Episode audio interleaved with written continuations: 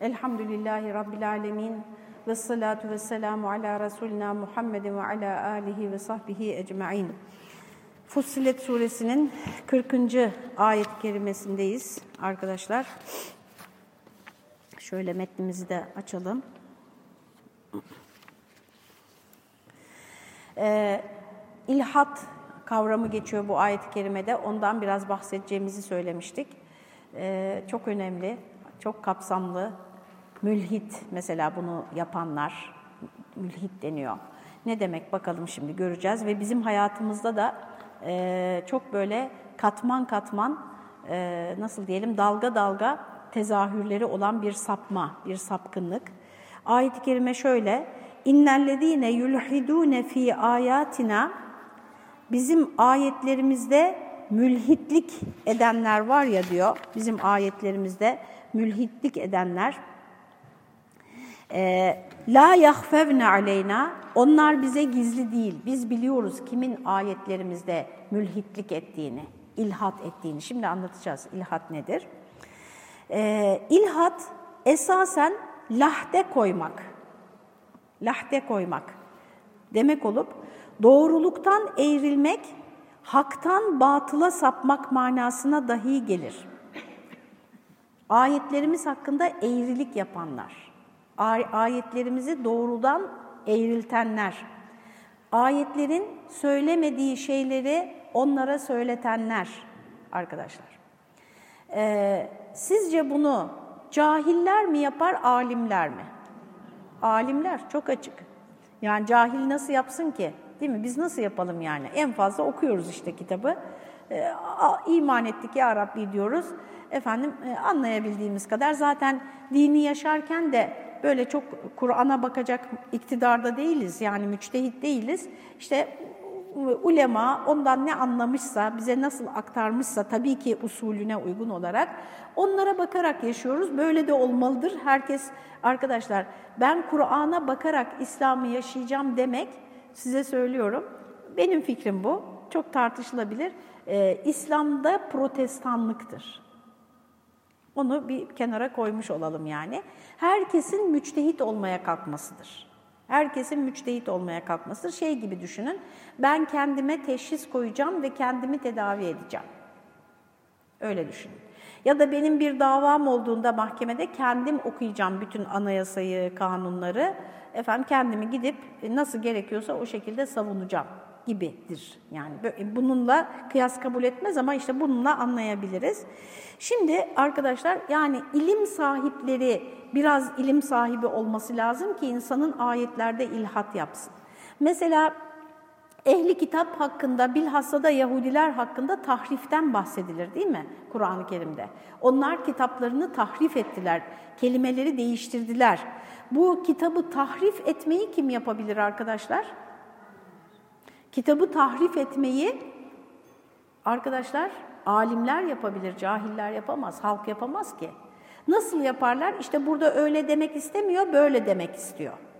Ee, burada e, işte bir görünen mana var, bir de çok uzak bir mana var. O çok uzak manayı onun yerine koyarak veya kendi e, nefsine uygun bir takım içtihatlar, kendi nefsine uygun derken illa kendi nefsi için yapmamış bunu e, alimler, Yahudi alimleri arkadaşlar. Ona da çok üzülüyorum ya. Ya bırak yani ki uygularsa uygulasın, uygulamazsa uygulamasın. Kimler için yapmışlar biliyor musunuz? Toplumun üst tabakası, kaymak tabakası ve varlıklı kişilerin hatırına yapmışlar. Onlardan biri bir suç işleyince Tevrat'a göre ceza görecek, o cezayı işte değiştirelim yani olmaz ona bu cezayı mı vereceğiz falan diye. Yani onlar hatırına yapmışlar.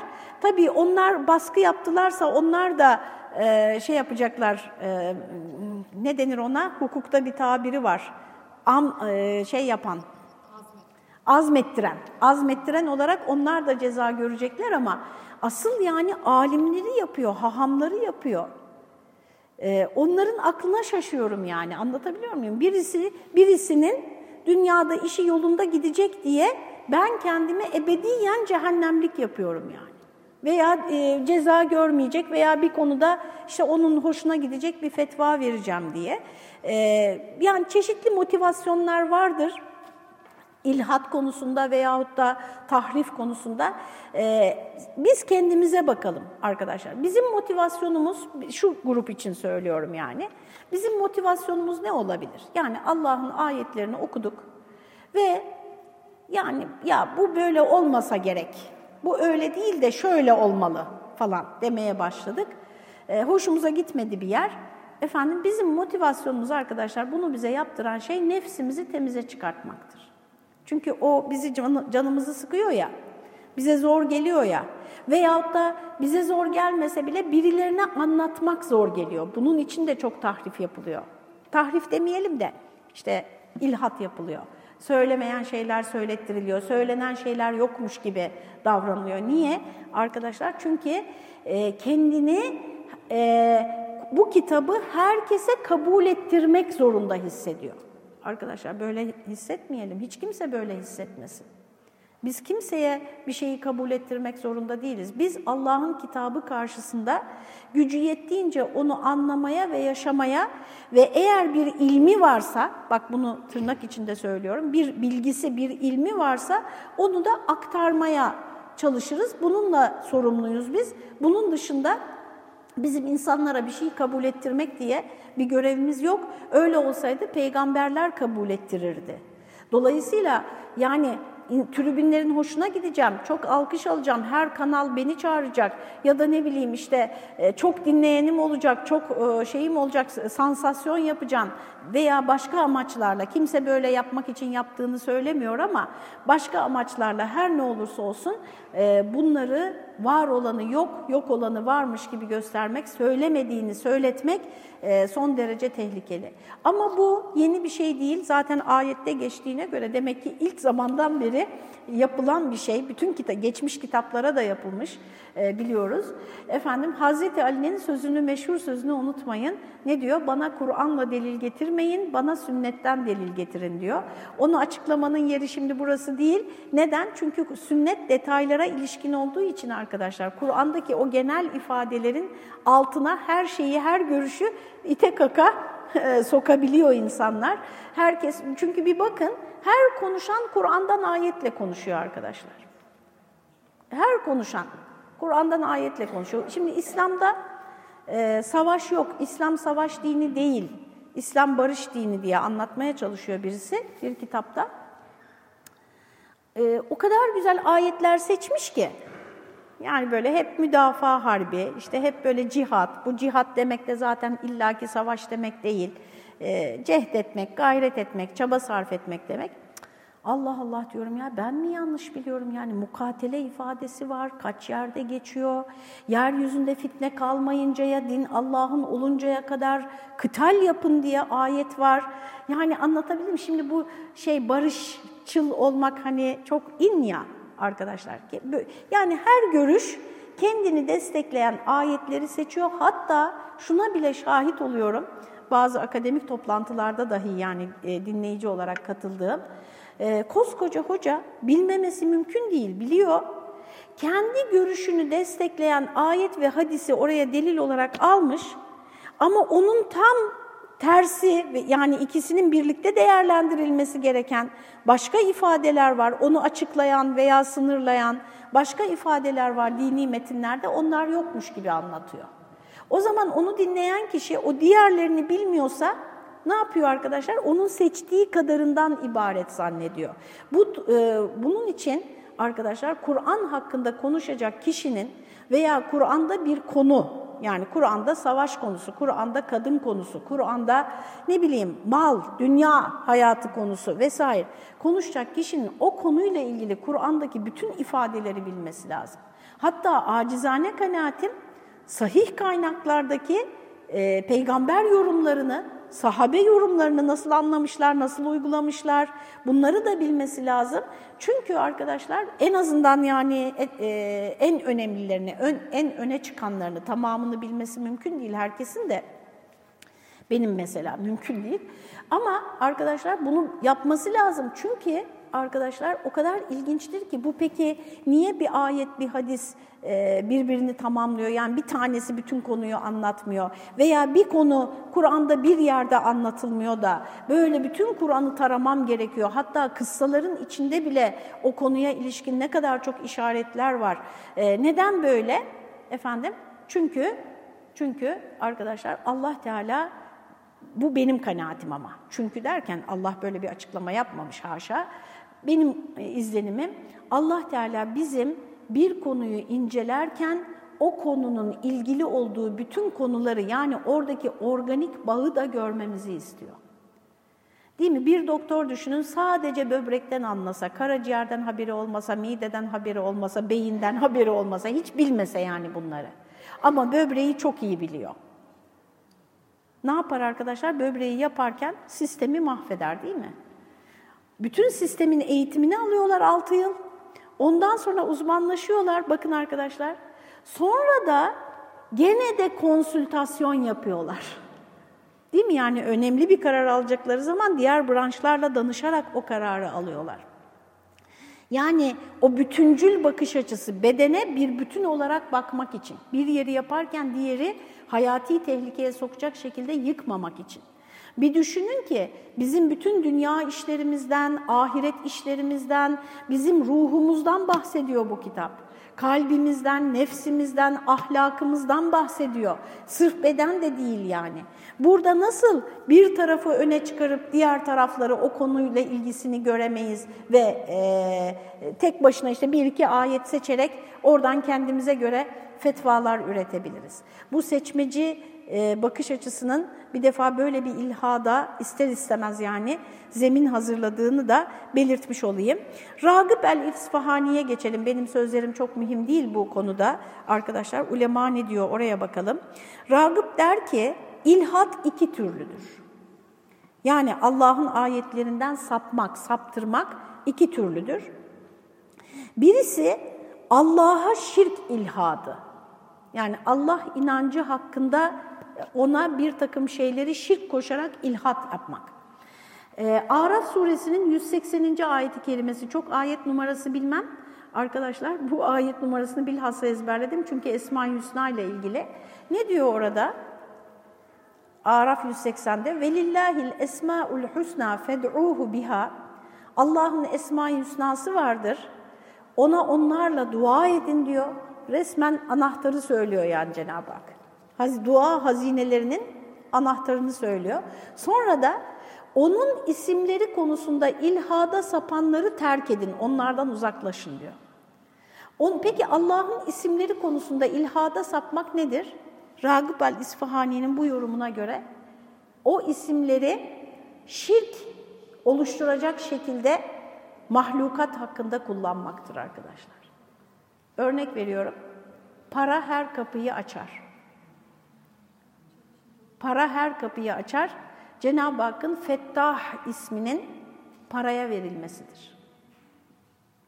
Paraya verilmesidir.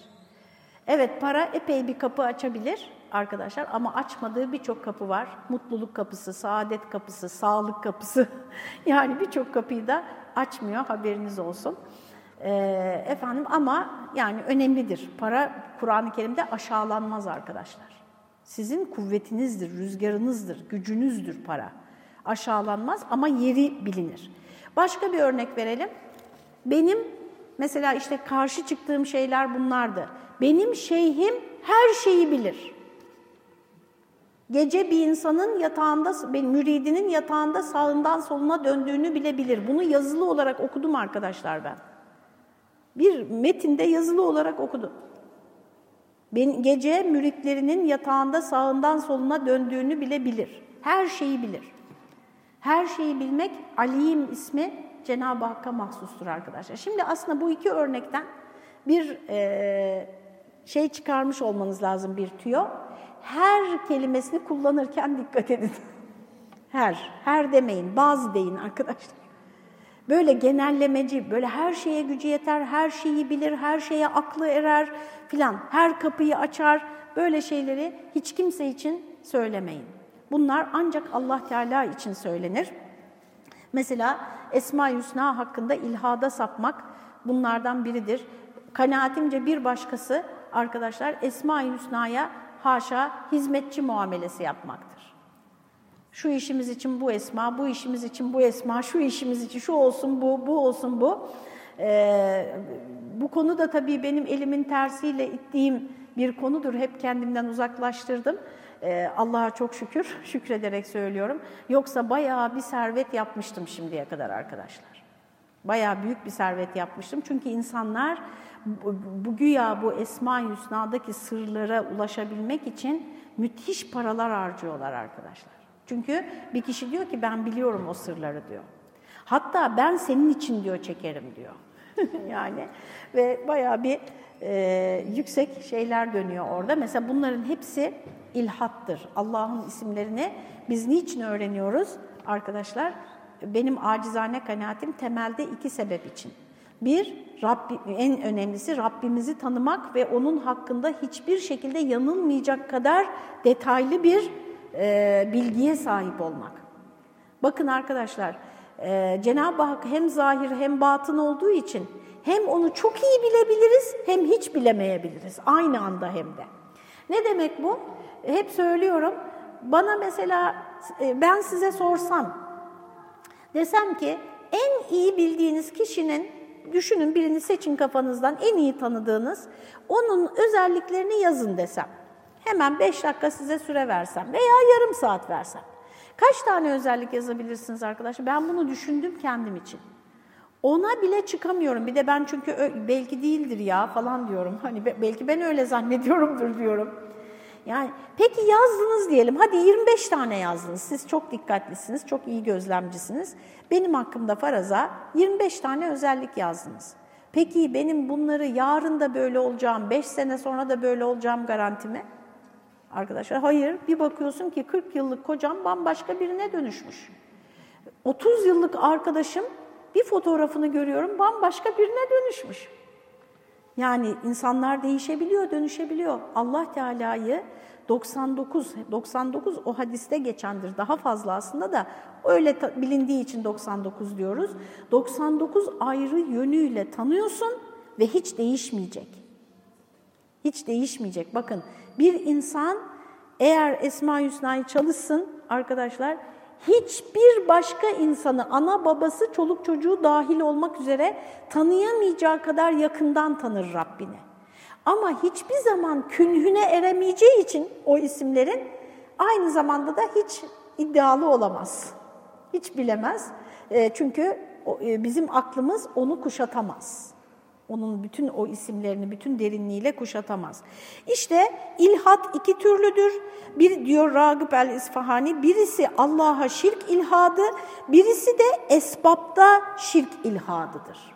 Yani olan hadiseleri tanrısal güç vermek. Kadere tanrı, tanrısal güç veriyorlar veya bir takım e, sebeplere yani şunu yaparsan kesin olur. Şeyleri, kişisel gelişimcileri dinleyin arkadaşlar. Koçlar, işte motivasyon uzmanları falan. Hani böyle yaparsan kesin böyle. Ya hayır olmuyor işte. O gün e, bir miden ağrıyor veya bir şey oluyor. Beş yıl hazırlan, üç yıl hazırlan fark etmiyor. Bütün kurallara uy fark etmiyor. E, giderken düşüyorsun, ayağını kırıyorsun, sınav salonu yerine hastaneye gidiyorsun. yani bambaşka e, şeyler olabiliyor. E, dolayısıyla esbapta ilahlık görmek veya bir takım diğer mahlukatı e, tı ilahlık görerek, isnat ederek Cenab-ı Hakk'a şirk koşmak. Evvelkisi imana münafi olur, imana aykırıdır Allah'a şirk ilhadı. E, onu iptal eder. İkincisi ise onu iptal etmezse de tutamaklarını zayıflatır. Yani e, şimdi söyleyeceğim ama bazı arkadaşlarımız da o kadar evhamda oluyor ki arkadaşlar. Böyle detaylara girdiğin zaman bu sefer o kişi imanından şüphe etmeye başlıyor. Onun için çok örnek verip e, o evhamlı zihinleri hoplatmak istemiyorum arkadaşlar. Bu esbapta işte böyle sen böyle yaptın böyle oldu, öyle yaparsan şöyle olur. Hani böyle kesin kesin şey görmek e, tut, imanın tutamaklarını zayıflatır diyor. Bununla geçiyorum ben. Örnekleri siz kendiniz üretin. Ayetlerde ilhat ne peki? Çünkü burada arkadaşlar innellezine yulhidune fi ayatina yani Cenab-ı Hakk'ın zatı ona imandan değil de ayetlerinde ilhattan bahsediliyor. Ayetlerde ilhat doğru mana vermeyip istikametten ayrılarak eğrisine çekmek demek olur. Bakın inkardan farklı ilhat arkadaşlar. İnkar eden diyor ki inanmıyorum ya bu kitap e, Allah'ın sözü olamaz diyor. Değil diyor böyle bir şey bu hikaye diyor bunlar diyor. Bak bu inkar. İnkar çok kolaydır yani kolaydır derken inkar edeni anlamak çok kolaydır. Çünkü açıkça söylüyor. Pirincin içindeki siyah taş. Hemen şak diye bir 5 kilo pirincin içinde görürsün yani. İlhat ise arkadaşlar pirinç gibi görünüyor. Pirinç gibi görünüyor ve hakikaten belki de yani benziyor. Anlatabildim mi? Çok zor. Münafıklığı da böyle örnek verirler. İkisi aynı şey değil ama. Ayetlerde ilhat doğru mana verme ha, şunu söyleyeyim. İlhat yapana kafir oldu diyebilir miyiz? Bir bakalım önce Elmalı ne diyecek sonra ben kendi sözümü söyleyeyim. Unutursam hatırlatın. Kafir olur mu yani ayetlerde ilhat yapan? Arkadaşlar e, konuşacağız onu. Ayetlerde ilhat doğru mana vermeyip istikametten ayrılarak eğrisine çekmek demek olur ki tekzibe ve yanlış tevilü tah tahrife şamil olur. Yani ilhat hem yalanlamayı da içerir, hem tahrifi içerir, hem de yanlış tevili içerir. Dolayısıyla karşımızdaki kişinin ne yaptığına bakmamız gerekir hükmü verebilmemiz için.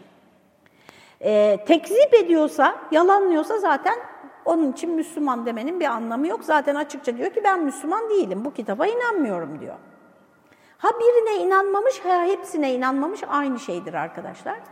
E, tevilde ise kişi o e, ayetin, o bu kitabın Allah'ın kitabı olduğunu, o ayetin Allah'ın sözü olduğunu inkar etmiyor.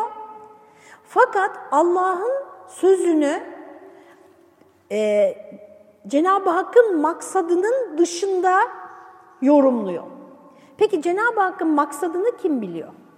Yani ben nereden bilebilirim ki böyle bir şeyi ölçeyim arkadaşlar? Ee, çok çeşitli yolları var o maksadı bulmanın. Mesela benim için ben e, fıkıhçı değilim, usul, usul alimi değilim, müfessir değilim. Sıradan bir vaiz olarak söylüyorum bunu size arkadaşlar. Ben şöyle e, anlıyorum.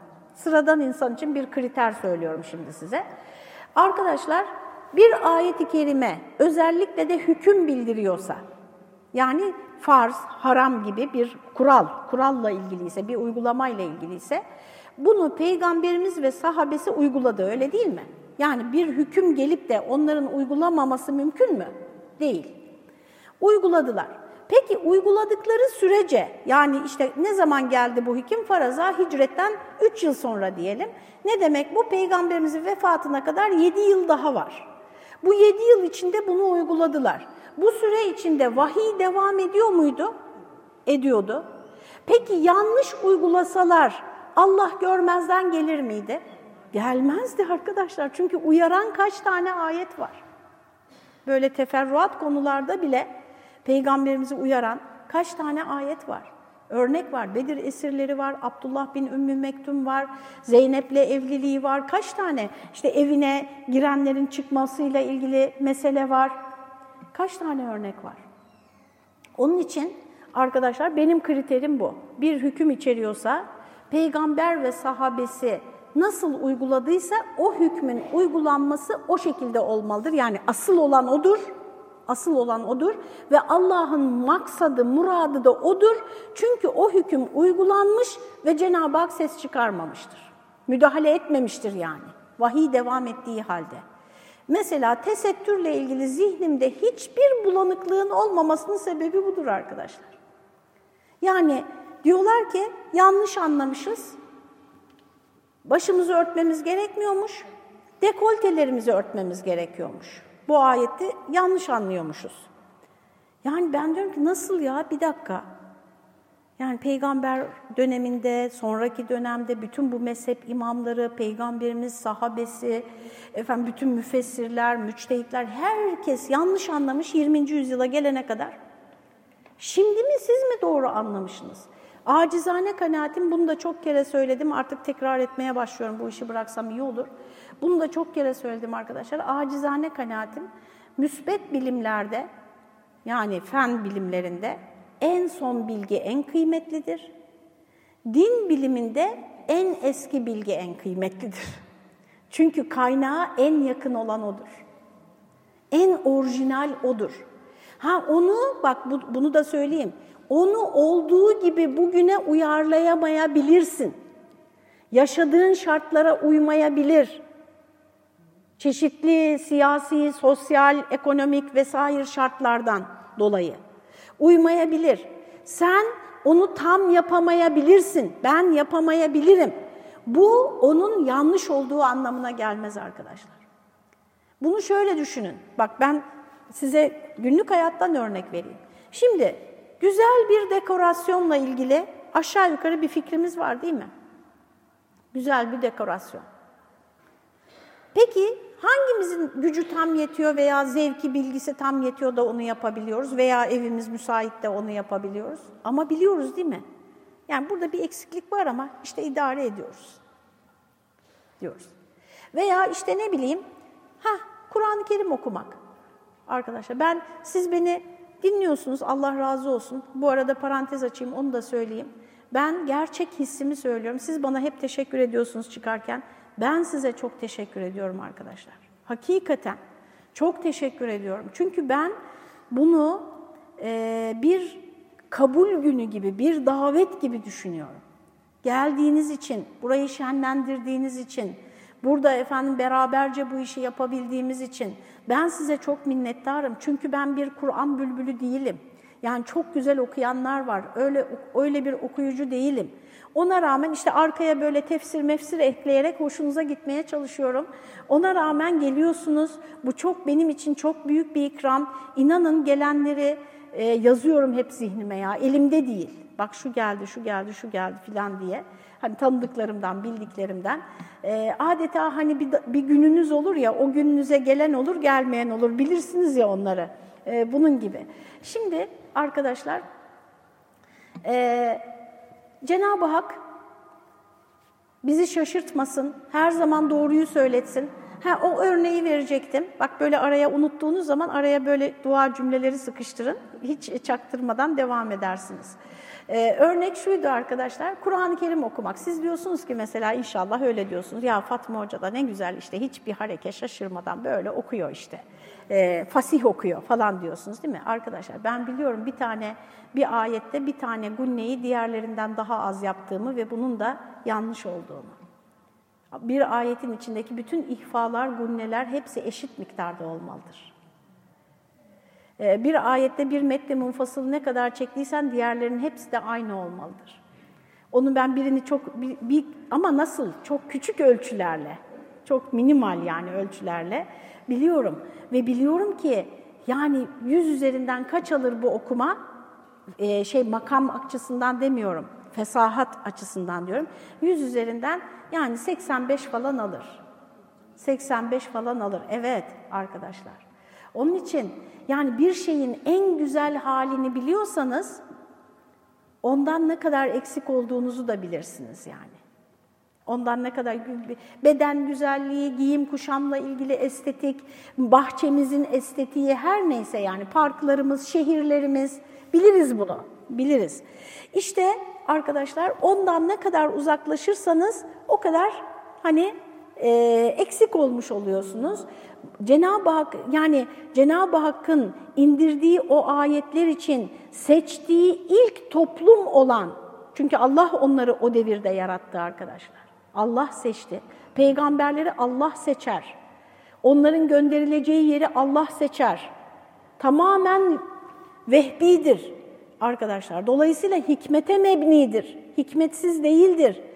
O, o dönemdeki uygulama bu kitabın en mükemmel uygulamasıdır. Ama aynısını yapamam.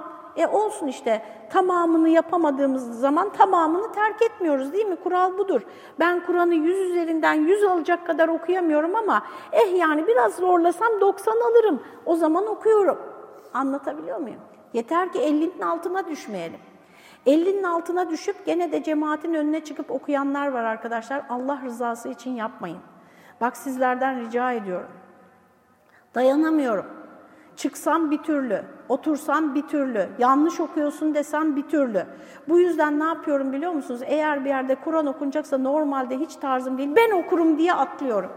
Çünkü kimin okuyacağı belli değil, kafa göz yara yara birisi okuyabilir. Efendim onu duymamak için yani. Yapmayın. İyi bildiğiniz şey. Ya nasıl ki sizin börek affedersiniz çamur gibi oluyorsa bir yere götürmezsiniz değil mi onu? Yani Kur'an-ı Kerim'i de tecvid, tecvidsiz okuyorum ben diyor. Tecvidsiz olmaz ki bu tecvidle nazil oldu arkadaşlar. Tecvid farzdır. Tecvid yani olsa da olur, olmasa da olur bir şey, bir fazlalık değildir. Tecvidli nazil oldu, tecvid farzdır. Hatta yani detaylara girelim şimdi. Tecvide riayet etmese bazı tecvidlerin hükmü vaciptir arkadaşlar. Ona riayet etmese namaz olmaz ya. Yani kişinin kendi namazı olur da imamın mesela mutlaka riayet etmesi lazım. Metlerin ölçülerine, vacip metlere, vacip tecvidlere riayet etmesi lazım. Yani buna kıyaslayın. Anlatabiliyor muyum? Bir şeyi tam yapamıyorsak arkadaşlar onu inkar etmeyiz. Ya işte benim okunduğum gibi okunacak bu Kur'an demeyiz. Çünkü tam yapamıyoruz biz. Eksik yapıyoruz. Fıkıh da böyle, kurallar da böyle, miras hukuku da böyle, giyim kuşam hukuku da böyle, başka şeyler de böyle tam yapamıyoruz. E ne yapalım? Kendi yaptığımızı esas kabul edelim. Allah'ın kitabını bizim yaptığımıza göre yorumlayalım. Böyle şey olur mu arkadaşlar? O zaman bu kitaptan ne kalır birkaç nesil sonra? Birkaç nesil sonra bu kitaptan ne kalır geriye? İslam'dan, dinden, insanların elinde ne kalır? İşte tevil yapıyorsa arkadaşlar gene de ilhattır. İlhat tarzındaki bir tevili yapıyorsa yani. ilhat yapmış olur ama dinden çıkmış olmaz çünkü inkar etmiyor. Bak burası önemli. Yani birisi dedi ki bu ayette kadınların başını örtmesi kastedilmiyor. Dolayısıyla başını örtmeseler de olur dese dinden çıkar mı? Çıkmaz. Çıkmaz arkadaşlar. Niye? Çünkü ayeti inkar etmiyor. Ayeti kafasına göre yorumluyor. İlhat yapmış olur. İlhat yapmış olur. Anlatabildim mi? Yani sapkınlık diyebiliriz buna. Sapkınlık, yanlış bir yolla giriyor fakat e, dinden çıkmaz. Birisine dinden çıktı demek için arkadaşlar, onu da söyleyeyim şimdi. Bu çok kolay sarf ediliyor. Valla arkadaşlar e, Müslümanlar, bazı Müslümanlar ama çok sayıdalar bunlar ne yazık ki. E, ellerine bir şey almışlar, şu boya sıkıyorlar ya çocuklar birbirlerine. Ne o? Bir adı var o oyunun. Paintball. Ha. Paintball silahı almışlar ellerine arkadaşlar. Kırmızı kafir bas.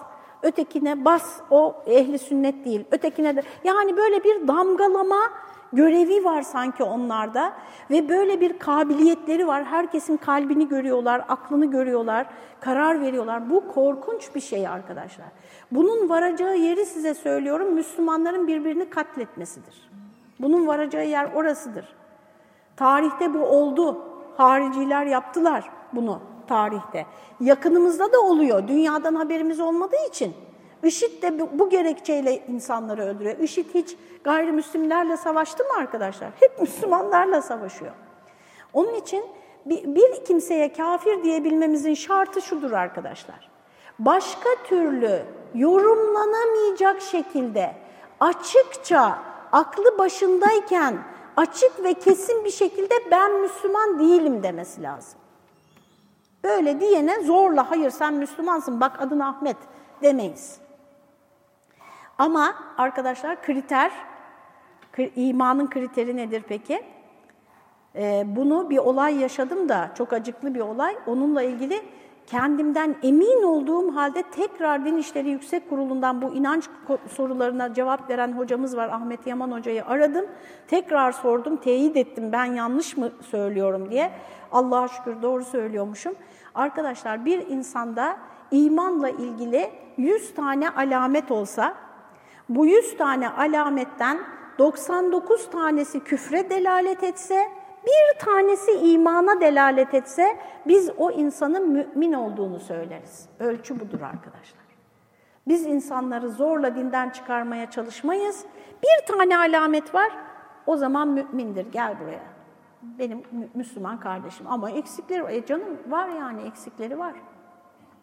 Kalbinde zerre kadar, zerre nedir arkadaşlar? Toz. Toz tanesi. Kalbinde zerre kadar iman olan er geç cennete girecektir diyor Peygamberimiz. Cenab-ı Hak arkadaşlar insanları cehenneme atmak için bahane aramıyor. Cennete koymak için bahane arıyor. Onu da bilelim. Bir tutulacak tarafımız olursa evelallah kurtulacağız yani. Onun için gitmekten de korkmayız biz. Gitmekten korkmayız. Yani tabii o geçitte ne göreceğiz biraz bir insana bir endişe veriyor ama ya niye korkalım arkadaşlar? Ben yani bunca yıldır inandığım, bunca yıldır davasını güttüğüm, bunca yıldır e, bütün hayatımı ona göre yani elimden geldiğince şekillendirmeye çalıştığım Rabbimi göreceğim ya. İnsan buna geri geri basar mı böyle bir davete? Ama kendimizi şey yapmayız yani yaş o yaşama görevi verdiği sürece bize yaşarız. Ama yarın gidecek olsak arkadaşlar, ay biraz daha mı kalsaydım, şu mu bu mu falan diyorsak o orada bir bizde bir sıkıntı var demektir. Ee, onu da bu araya sıkıştırmış olayım. Ayat zikruldan, şimdi innellezine yulhidune fi ayatina. Bizim ayetlerimizde ilhada sapanlar dedi ya, mülhitlik edenler dedi. Peki bu ayat yukarıdan beri zikredilen, bu bölümde ne anlattığımızı biliyorsunuz. Leylü nehar, şemsü kamer gibi tekvini ayetler ve mucizeler ve Kur'an gibi tenzili ve teşrii olan ayetlerden eamdır. Arkadaşlar, hepsi tekvini ayetleri de içerir, teşrii ayetleri de içerir. Yani yaratılışta Allah'ın işareti olan ayetleri de içerir. E, efendim Allah'ın indirdiği münzel olan kitaplardaki ayetleri de içerir. Peki bu yaratılıştaki ayetler hakkındaki ilhat nasıl olur? Arkadaşlar, yani dağlar hakkında biz nasıl ilhat yapabiliriz? Gece ve gündüz hakkında nasıl ilhat yapabiliriz biz? Bir açıklama yapmamış, hemen cesaretle oradan, ıı, sessiz kalmış ya, cesaretle hemen kendi görüşümü sıkıştırayım araya. Arkadaşlar, onları size söyledim ya dün, onları onlardan elde ettiğimiz bilgileri imansızlık yolunda kullanırız. İnsanları bak Allah yok, bak işte e, dünya şu şekilde yaratıldı. Şöyle kendi kendine oldu. İşte neymiş efendim o Big Bang'de o kadar sonsuz sayıda evren oluşmuş ki onlardan bir tanesinin mükemmel olması kaçınılmazmış. Yani o kadar bir şeyi sonsuz sayıda tekrarlarsan bir tanesi kusursuz olur illaki diyorlar. Aslında matematiksel olarak böyle bir zorunluluk yok. Bir, ikincisi de arkadaşlar e, bu sonsuz sayıda evren meydana geldiğine dair hiçbir bilimsel işaret yok şu ana kadar. Dolayısıyla nasıl böyle bir iddiada bulunabiliyorsun? Çünkü bulunduğumuz evreni bile biz daha inceleyemedik. Yani bulunduğumuz evreni bile, içinde bulunduğumuz evreni bile bilmiyoruz. Sadece bir hipotez. Yani ne yapıyor? Bilim okuyor, okuyor, okuyor, okuyor. Gökleri inceliyor, yeri inceliyor, geceyi, gündüzü, dağları, yeryüzünü, insanın doğasını, fıtratını inceliyor. Buradan Allah'ın olmadığı bunun kendi başına olduğu sonucunu çıkarıyor mesela. Bana göre hani bu ayetlerdeki ilhat budur. Her ikisine de aykırı gitmek ilhattır. İlhadın cezası ne peki? Kim böyle yaparsa arkadaşlar bizim ayetlerimizde ilhada saparsa efemen yulqa finnari hayrun emmen ye'ti aminen yevmel kıyame dedi ayetin metninde. Ne diyor? Hemen onu da söyleyelim arkadaşlar. Ee, o zikir kendilerine geldiği vakit ona körlük eden mülhitler, halbuki o misli bulunmaz aziz bir kitap diyor. Ha affedersiniz sonraki ayet okumuşum. Ayetlerimizde ilhada sapan sapkınlar elbette bize gizli kalmazlar. O sapkınları biz biliyoruz. O halde ateşe atılan mı hayırlıdır yoksa kıyamet günü emniyet içinde gelecek olan mı? Yani anlıyoruz ki bu ilhadı yapanlar az önce söyledi efendim cezası nara atılmaktır. Çünkü ilhat ateşe gülistan diye atılmak gibidir. Yani nasıl ki ayetlerdeki anlamları değiştirdin, o zaman buyur sana ödül. Mesela Cenab-ı Hak orada da bir şey değişikliği yapıyor. Çok güzel bir karşılık vermiş oluyor yani. Al senin ödülün, bu ilhadın ödülü olarak, mükafat olarak sana böyle bir derece veriyoruz cehennemde, ateşte diyor. Bu Kur'an-ı Kerim'in e, üslubudur arkadaşlar. Tam yani insanın yaptığına uygun bir karşılık. Ee, onun için buyruluyor ki diye arkadaşlar ta 40 o ne buyruluyor? Efemen yulqa finnari hayrun işte az önce söylediğim şey e, kıyamet günü efendim ateşe atılan mı daha hayırlıdır yoksa emniyet içinde gelecek olan mı? Düşünün ona göre istediğinizi yapın çünkü siz ne yapsanız o görüyor diyor Cenab-ı Hak. 41. ayette Yine bu ilhat konusu devam ediyor arkadaşlar. İnnellezîne keferû bizzikri lemmâ câehum ve innehu lekitabun aziz la ye'tîhil bâtilu min beyni yedeyhi ve la min halfih tenzilun min hakimin hamid. Buraları hiç açıklamamış. Onun için devam ediyoruz. Ma yuqalu leke illa ma kad qîle lirrusulü min qablik inne rabbeke lezû mağfiretin ve zû ikâbin elim. İnnellezîne keferû bizzikri lemma câehum yukarıda geçen yulhidûnadan bedeldir. Binaenaleyh haberi de geçen la yahfevne aleynadır. Zikirden murat Kur'an olduğu için mutlak ayattan sonra bilhassa Kur'an'ın şanına itina ile tansis yapılmış burada. Yani bir ayet indirilmiş. Ne demek istiyor arkadaşlar? Hani innellezîne yulhidûne fî ayatina dedi ya, oradaki ayat umumi olduğu için hem kevni ayetleri hem teşrii ayetleri içine alıyordu. Hemen arkasından Kur'an'ı zikrederek Cenab-ı Hak bilhassa yani Kur'an hakkında da ilhat yapanların bu cezaya müstahak olduğunu ifade etmiş oluyor. Demek ki ayat ifadesi Kur'an'dan e'am olduğu gibi ilhat da küfürden e'amdır, daha geneldir. Yani az önce söyledik onu çünkü ilhat küfrü de içerebilir, sapkınlığı da içerebilir, başka nifakı da içerebilir, diğer hepsini içerebilir. Kitabun aziz, Kur'an'ın sıfatı olarak aziz sıfatı geldi. Yani bir kitap ki misli bulunmaz demek. Aziz, de eşi benzeri olmayan kıymette, çok nadir, çok kıymetli demek. Ve şu da çok önemli arkadaşlar, Kur'an-ı Kerim'de Esma-i Hüsna'dan bir e, ismin başka bir varlığa isim ol, olarak veya sıfat olarak zikredilmesi o varlığın kıymetini gösterir. Burada kitabın yani Kur'an'ın aziz ismiyle nitelendirildiğini görüyoruz bizzat Cenab-ı Hak tarafından. Yani kendi ismine Kur'an'a isim olarak veriyor. Mesela Efendimiz için de vardır. Raufun Rahim diye başka peygamberler için de vardır. Ee, geçer böyle. La ye'tihil batilu min beyni yedeyhi ve la min halfih. Ne önünden ne ardından ona batıl yanaşamaz Kur'an-ı Kerim'e. Mündericatı hiç Allah'a çok şükür arkadaşlar. Az önce dedim ya bir şeyi siz tabii itiraz etmiyorsunuz, dinliyorsunuz. Hoca böyle güldür güldür konuşuyor yani. Nasıl şey yapacaksın, itiraz edeceksin? Ee, ne dedim az önce? Eğer bu ilhatları yaparsak ayetler hakkında 3 sene sonra, 5 sene sonra, 3-5 nesil sonra din kalır mı dedim. Peki arkadaşlar Kur'an'a zarar verebilir miyiz biz ilhat yaptığımız zaman? Veremeyiz ki çünkü o orada duruyor zaten. Ama bizim hayatımız dönüşür. Biz dönüşmüş oluruz, biz değişmiş oluruz. Fakat Kur'an orada durduğu için arkadaşlar her zaman ona dönme imkanı ve gücü insanlığın vardır başka dinlerden Kendinden önceki dinlerden en önemli farkı budur İslam'ın. Kur'an Kur'an onun mucizesidir. Peygamberimizin en büyük mucizesi Kur'an'dır. Asla hiç kimsenin ona hiçbir tek harekesini bile değiştiremeyeceği Allah tarafından garanti edilmiştir.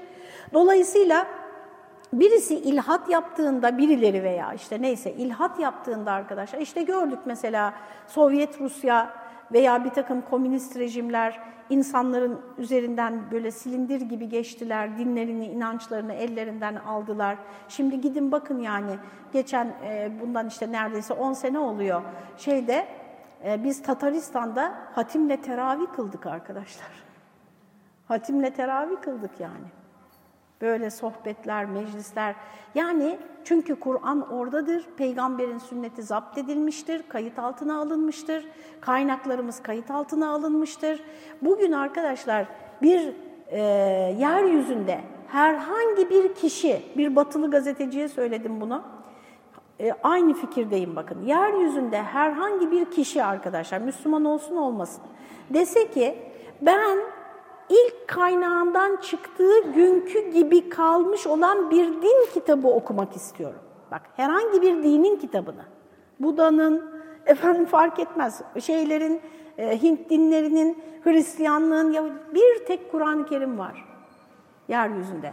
Onun için dedim ki kadın bana dedi ki bunu revize etmeyi düşünmüyor musunuz dedi. Ben de dedim ki ya dedim biz revize etmeye kalksak siz bize kızıp bu Kur'an'a sahip çıkmanız lazım. Çünkü insanlığın ortak mirası bu. Yani Mısırlılar deseler ki şu piramitleri yıkalım, AVM yapacağız deseler, bütün insanlık nasıl karşı çıkar yıkamazsınız der değil mi? Kur'an da böyledir. Yani sadece Müslümanların e, bir e, şeyi değil, inhisarında değil. Bütün insanlığın arkadaşlar şu din e, kitaplarından, kaynağından çıktığı, bak Allah indirdiği gibi demiyorum çünkü öyle inanmıyor ya, yani ilk çıktığı gibi bugüne kadar gelen bir kitap okumak istiyorum dese birisi bir tek Kur'an-ı Kerim var arkadaşlar. Yeryüzünde. Onun için böyle bir hazineyle kimse yarışamaz, kimse onu aşamaz. Ama şunu yapmış oluruz, ilhadı normalleştirirsek biz kendimiz onu terk etmiş oluruz. Ondan uzaklaşmış oluruz. Maide suresinde e, irtidatla ilgili bir ayet-i kerime var. Ee, men yartedde minkum an dinihi fesevfe ye'tillahu bi kavmin yuhibbuhum ve yuhibbunehu ezilletin alel mu'minine e'izzetin alel kafirin uzunca bir ayet çok mühim bir ayettir.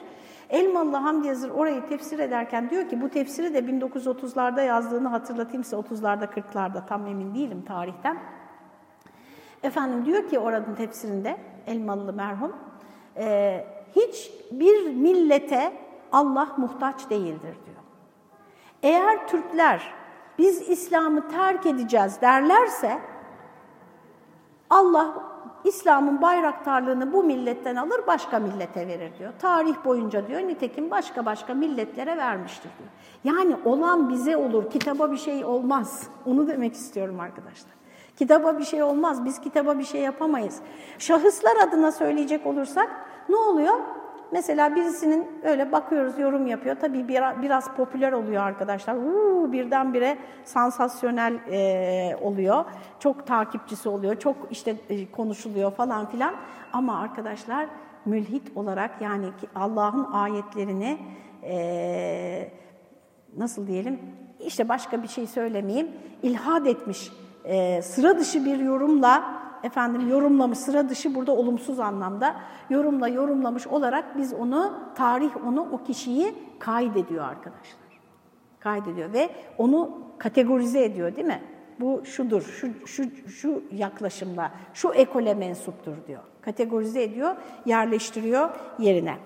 Peki arkadaşlar burada kalalım. Ee, tenzilun min hakimin hamid ayeti bitireyim. Mündericatı hiçbir veç ile iptal edilemeyecek derecede doğru ve sağlam.